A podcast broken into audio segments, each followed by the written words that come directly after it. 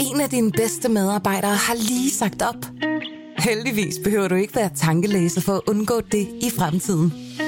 WinningTemp indsamler data gennem hyppige og anonyme medarbejderundersøgelser, så du lettere kan mærke pulsen på dine medarbejdere og støtte der, hvor der er behov.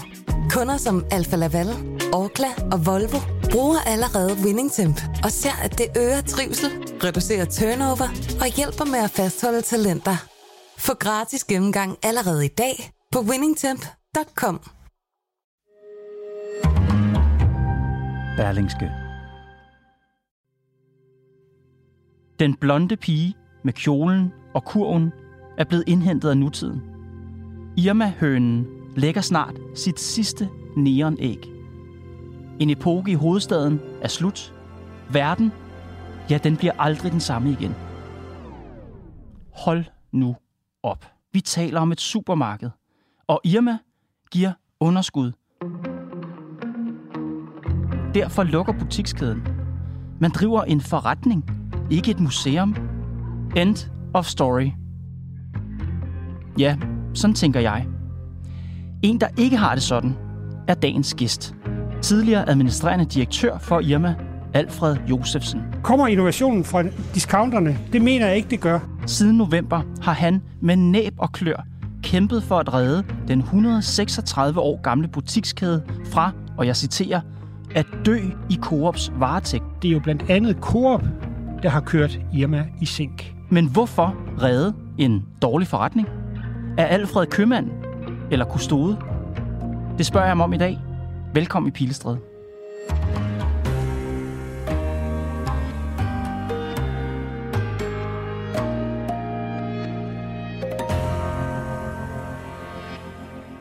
Kan du ikke starte med at præsentere dig selv? Jamen, jeg hedder Alfred Josefsen, og jeg havde den store fornøjelse af at være direktør for Irma fra 1999 til 2012. Og du har jo en helt særlig forbindelse til Irma. Siden november, der har du vidst, at Coop havde tænkt sig at lukke Irma. Og sammen med den nuværende direktør, Jan Larsen, der har du kæmpet for at redde Irma. Hvorfor bruger du din tid på at redde en butikskæde, som du ikke er ansat i længere? Hvad er det ved Irma, som, som, øh, som får dig til at gøre det? Når man har været ansat i Irma, så er det en gang i Irma, altid i Irma. Så har man fået blot blod ind i årene, øh, og så vil man gerne kæmpe for den her institution og den her Irma og arbejdsplads. Hvorfor? Fordi det berører en emotionelt. Jeg har kendt i hundredvis og kender i hundredvis af, af nuværende og tidligere ansatte, og det er et lille samfund for sig. Altså en, et lille sted, hvor man tager sig af hinanden, kæmper for de gode fødevarer, kæmper det fællesskab, det har været at være en del af den her virksomhed, som er historisk og går langt tilbage og har været med i store dramatiske ting i tidens løb, øh, og en virksomhed med holdninger, som har gjort en forskel osv. Så de fleste, de føler, at det her, det er noget stort, det er noget vigtigt, og det kan jeg mærke, og selv øh, 10 år efter, 11 år efter, jeg er trådt af, øh, har jeg stadigvæk så meget ild i mig, at jeg synes, det vil være enormt trist for Irma, men også for landet, hvis det sådan, den her kæde ender med at gå i graven. Det er jo meget følelsesladet lyder det til. Det er det også. Altså, det er jo ikke en rationelt nødvendigvis øh, tilstand. Øh, det er en, en følelse af, at her er der en butik, en kæde, som har skabt noget godt i livets løb, øh, som har været først med det nyeste, som har været innovativ, som har sat standarden for økologi, for bæredygtighed, for miljø, for holdbarhed. Øh, og er der stadigvæk behov for innovation? Kæmpe behov. Altså nu er det bare klima og biodiversitet, øh, hvor Irma kunne spille en ganske stor rolle i det, øh, med at udvikle nye formater, nye varer. Og hvem skal egentlig gøre det i Danmark? Kan man forestille sig, at, at det bliver håndteret af en 3-4 discountkæder? Det kan man næppe.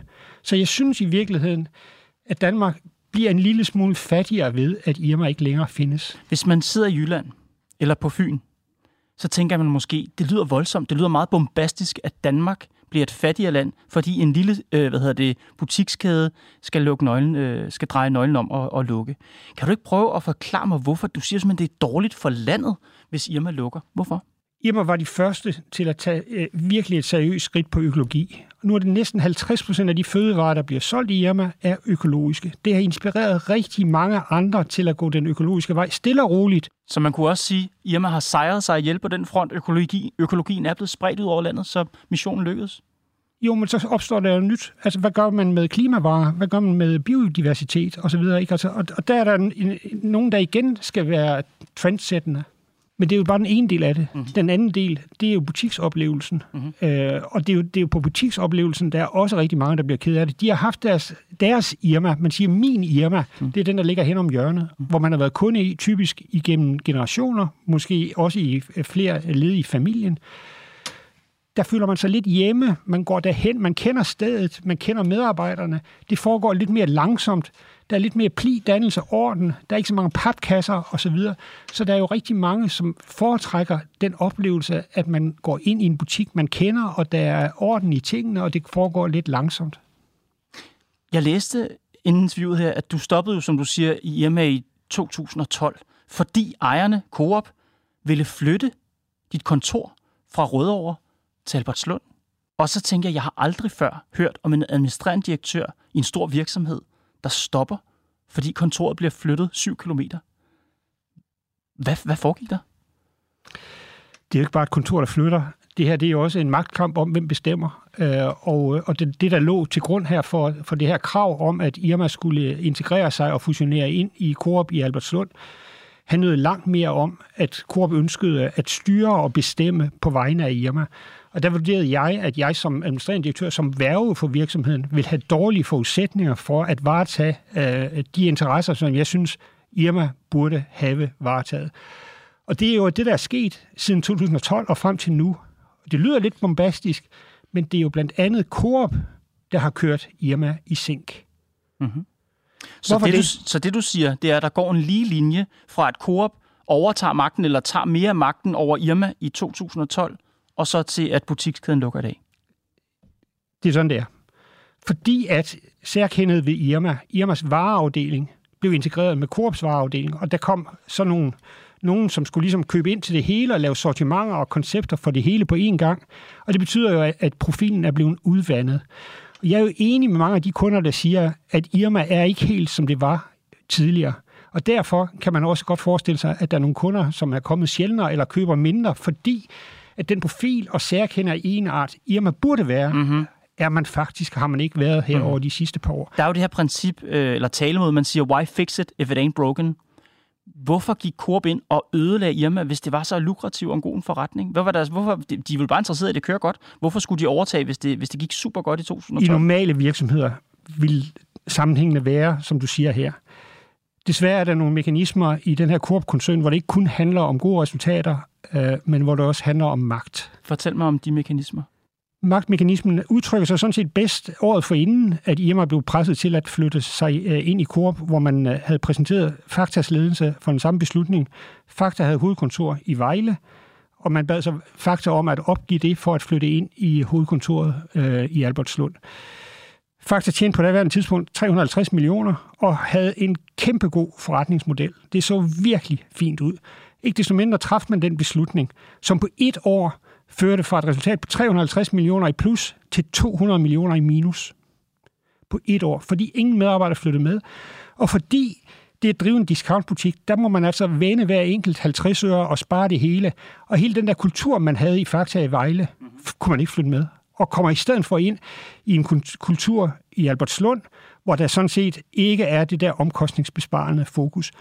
Postulat, det er jo den, at Fakta for så vidt siden 2011 har mistet en potentiel indtjening på en halv milliard per år. Mm. Når man ganger det med mange år, så er det rigtig mange milliarder. Til sidst, så var Fakta så slidt, at man måtte smide hele konceptet ud og konvertere det til noget nyt, man kalder Coop 365. Men det er så skæbne svar en beslutning, det her, hvor Irma har kørt den samme mølle, det er ikke med 500 millioner per år, det er cirka med 100 millioner per år.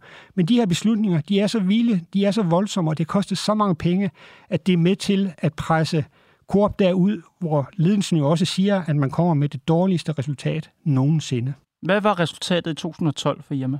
82 millioner. Plus. Og hvordan, 82 plus, og hvordan udviklede det sig i årene efter, at Coop havde taget over?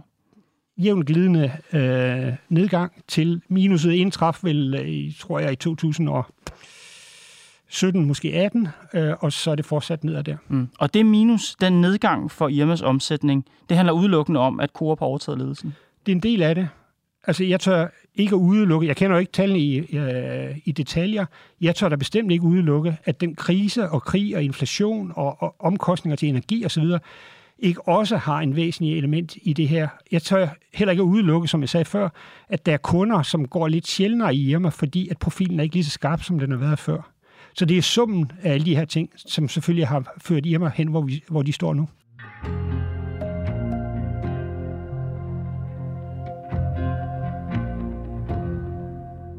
Du startede, Alfred, med at sige og give udtryk for, hvor vigtig Irma er for dig. Det er, det er følelser, det her, det er dit hjerteblod. Mm. Hvorfor stoppede du så? Hvorfor stoppede du i 12, da Coop øh, flyttede hovedkontoret? Hvorfor blev du ikke kæmpet? Du kunne jo have fortsat som administrerende direktør. Det kunne jeg godt, men altså, min vurdering var, at jeg ville øh, tabe den kamp. Altså, at jeg ville være op imod så stærke kræfter. Øh, fordi det her det ikke er et spørgsmål om rationalitet og gode resultater. Det var i højere grad et spørgsmål om magt. Hvem bestemmer? Så det, du siger, det er, Coop, Coop en meget stor dansk virksomhed, er drevet af magtbegær, ikke af profit og ønsker om at skabe en sund forretning? Det kommer helt fra, at det her det er sådan en medlemsejet organisation, hvor der er lag på lag og, og demokrati og medlemskab og 1,8 millioner danskere, ikke? Og repræsentantskab yes. og bestyrelse. Og man vælger hele vejen op. Der bliver ikke valgt efter kvalifikationer, efter profiler. Der bliver valgt efter, hvem kan samle flest stemmer til at blive valgt. Og der er nogle ting her, som går helt op til den øverste bestyrelse øh, i Coop, hvor man kan drage i tvivl om, hvorvidt at den professionalisering, der skal til at drive så stor en virksomhed, om den er til stede. Kan du sætte nogle navn på, hvem der er, der ikke er god nok i Coops ledelse? Det vil jeg ikke. Mm. Jeg har spurgt Coops ledelse, om de vil stille op. De har ikke ønsket at deltage i debatten, så vi må jo tage dine ord for det. Men vi kan jo kigge på deres pressemeddelelse. Coops pressemeddelelse er ret tydelig. De siger, markedsgrundlaget er ikke længere til stede for Irma som selvstændig kæde. Kunderne går mere og mere discount. Irma har større og større underskud. Det er simpelthen en dårlig forretning. Selv under coronakrisen, der kunne Irma ikke skabe overskud. Så vidt jeg husker, jeg har det ikke helt i detaljer, jeg mener, at det der corona-år er forbundet med nogle helt ekstraordinære butiksomkostninger i Irma gående til afviklingen af blandt andet øh, butikken i Ilum, måske også et par andre. Ja. Altså store engangsudgifter. Øh, jeg, jeg tør ikke sige, om det er 100% er mm-hmm. dækkende og forklarende for det hele, men der er også sådan nogle elementer, der er blandet ind i det. Mm-hmm. Men, men, det, men du, også... det, det, som danskerne skal forholde sig til, Alfred Josefsen, det er jo, om Coop har ret, Coop siger, Irma var en dårlig forretning, vi kunne ikke køre det videre. Eller om du har ret i, at nej, nej, det var ikke en dårlig forretning, det var bare Coop, der ikke kunne finde ud af at drive Irma. Ja, ja. Det er jo det, som vi, det er jo det spørgsmål, jeg stiller. Og jeg vil svare, altså hvis man ser det over, over noget tid, øh, så er det klart, at de seneste regnskabsår har ikke været positive for Irma.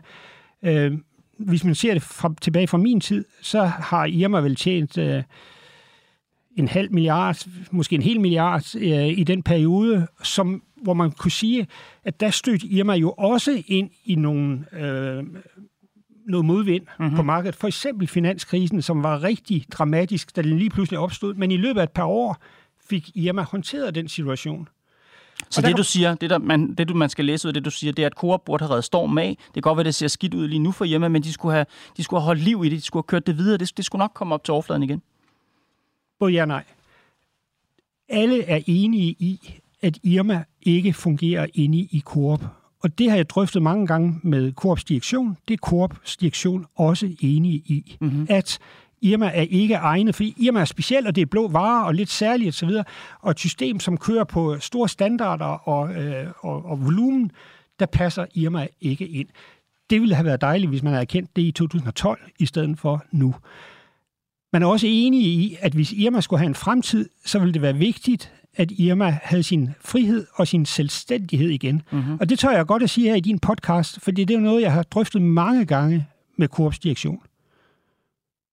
Ja, men det, som jeg er nysgerrig på, Alfred, det er, om Irma i virkeligheden gik i stykker i 2012 og blev, blev noget møg.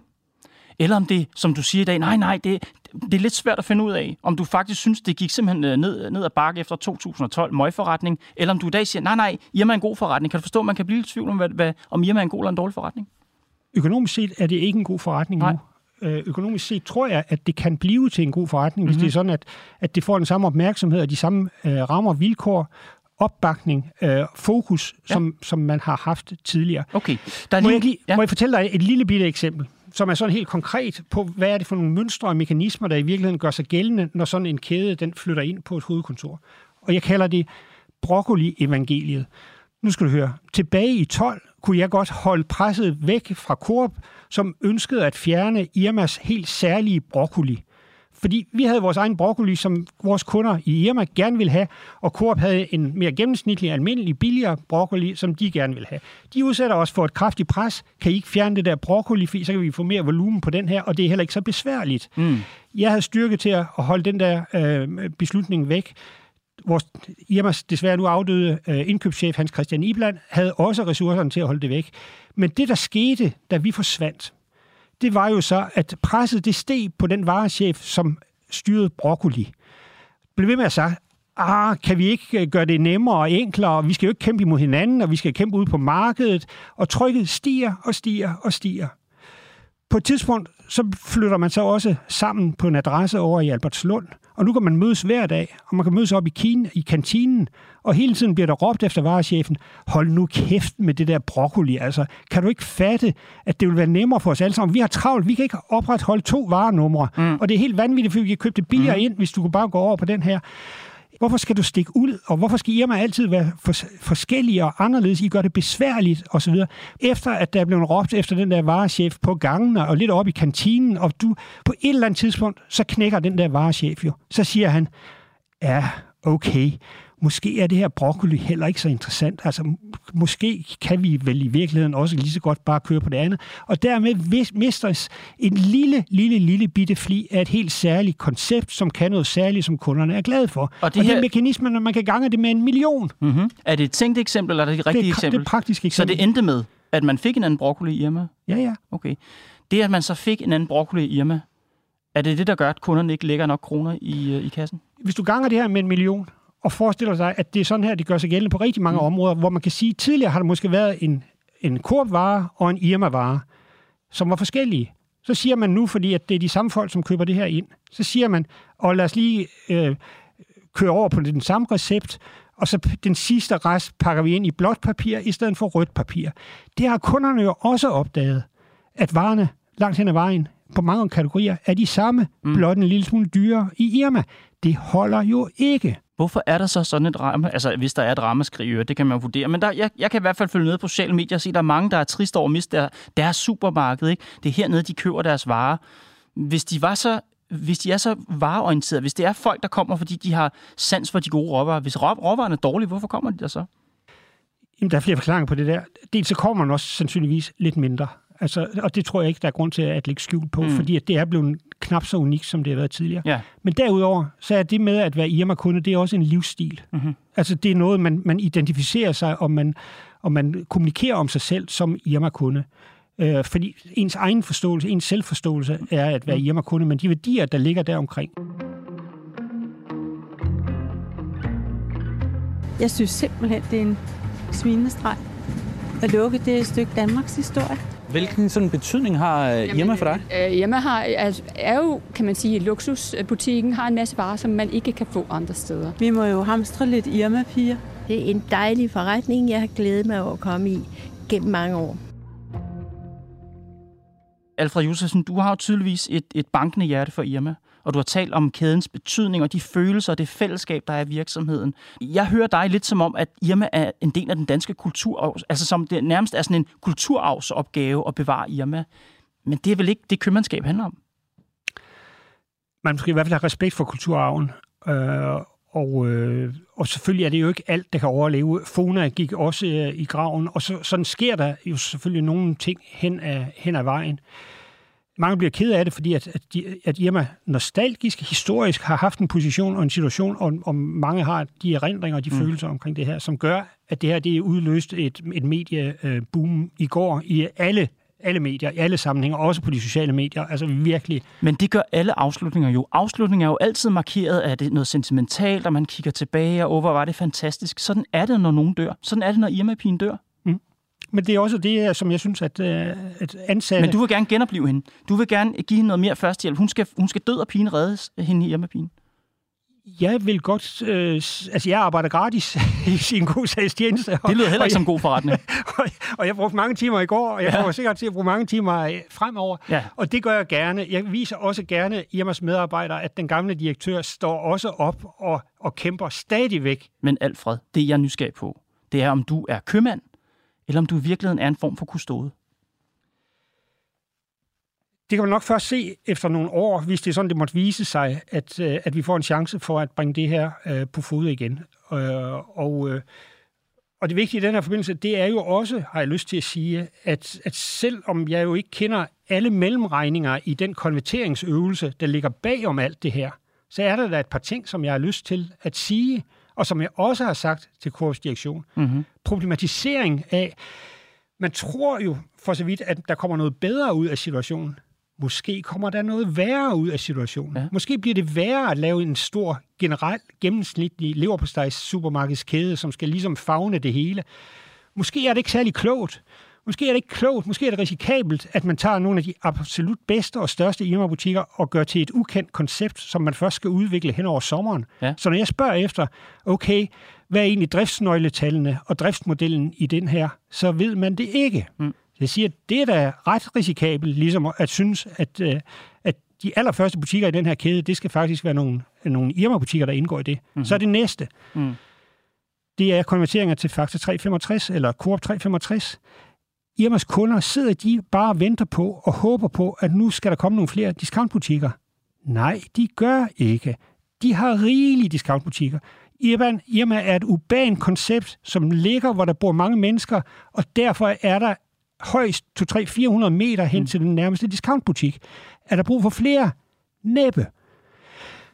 Derudover så kan man sige, at, øh, at der er rigtig mange butikker, hvor den varemængde, der skal igennem butikkerne, for at der kan komme en lønsom discountbutik, Ja. er så stor, at det kan ikke lade sig gøre i små bybeliggenheder med øh, miljølovgivning og restriktioner på transport osv. Mange af de der er også noget, som det hen ad vejen sandsynligvis vil vise sig, at det er ikke engang en fornuftig, god økonomisk case. Nej. Og det sidste, det er, at brusen skal ligesom genopstå i byen. Brusen er smidt ud af byen. Der, de har ingen standing og status her i byen. Brusen er noget, man kender hen i Jylland eller hen ved sommerhuset. Så at have sådan et no-name-koncept, som lige pludselig hopper op, det synes jeg da også, der er grund til at problematisere. Så det, man tror, når man siger, at nu samler vi kræfter, når vi gør en hel masse ting, det kan jo godt ske, at det viser sig i virkeligheden om tre år, at det var en ikke så klog idé. Og fordi, og, så det lyder jo clear cut, det her. Man skal bare køre hjemme videre. Der er sådan nogle andre, der skal køre videre. Du skal køre det videre, måske. Jeg tror ikke, at man skal bare tage Irma, som det var, og sige, at det er sådan, det skal være. Jeg tror, man skal til i høj grad tage bestik af situationen, øh, forbrugerbehov øh, og innovere på Irma, at skabe noget, som er mere i, i overensstemmelse med tidsånden og de behov, som der måtte ligge i det segment, som jeg mener, der stadigvæk findes, og som, som jo ikke er nødvendigvis i, i dyb krise. Vi må hele tiden huske Mm, på, mm, mm. nok er der inflation og kriser osv., men landet er jo ikke fattigt. Nej, og du taler om ramaskrig, og folk er sure over, at Irma bliver taget fra dem, og du kan ikke forstå det, fordi du, kan, du står nærmest til at beskrive forretningsmodellen. Det kan sagtens køre videre i, i storbyen. Og så tænker jeg bare, hvor mange ringede til dig i går, Alfred, og sagde, ved du hvad, lad os redde Irma, her er pengene. Har du nogen investorer på hånden, der er klar til det her projekt? Jeg må indrømme, jeg har slet ikke haft tid til at følge med på mine øh, hverken sociale profiler eller andet, men jeg har da set hist og pist, at der er nogen, der har sagt, både med hensyn til arbejdskraft og kapital, jeg er klar, øh, giv besked, øh, vi, skal, vi skal gøre noget osv. Hvor mange det er, og hvordan det ser ud, det har jeg slet, slet ikke noget overblik over for nærværende. Men forretningsmodellen, ideen, det at fortsætte i Irma, det er så godt, du vil også selv lægge penge i det. Ja, og tid.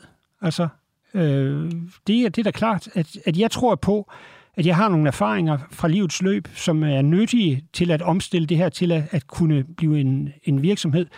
Sikkert ikke med alle butikkerne i forhold til nu, i forskellige øh, konstruktioner og sammenhænge, I don't know, som kunne øh, være et aktiv på markedet i forhold til forbrugerne, og som også lønsomhedsmæssigt vil kunne fungere. At jeg så derudover kunne godt have en ambition på at have et langsigtet mål på at gøre det her til en kundeaktie, eller en folkeaktie, eller, eller hvad man skulle kalde det, det synes jeg, at det vil være meget, meget, meget ædelt at ligesom arbejde i den retning.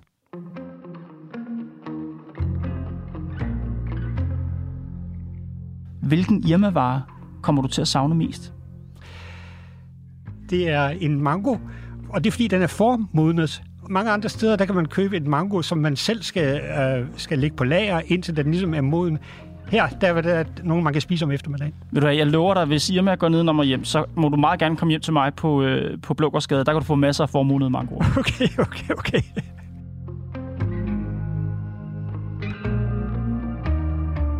Det var Pilestræde for i dag. Programmet er lavet af Mads Klint, Bo Lange, Nicoline Odgaard Sørensen og mig, Kåre Svejstrup. Vi er tilbage på mandag.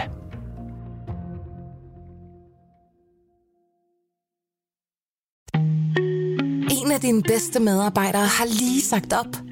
Heldigvis behøver du ikke være tankelæser for at undgå det i fremtiden. WinningTemp indsamler data gennem hyppige og anonyme medarbejderundersøgelser, så du lettere kan mærke pulsen på dine medarbejdere og støtte der, hvor der er behov.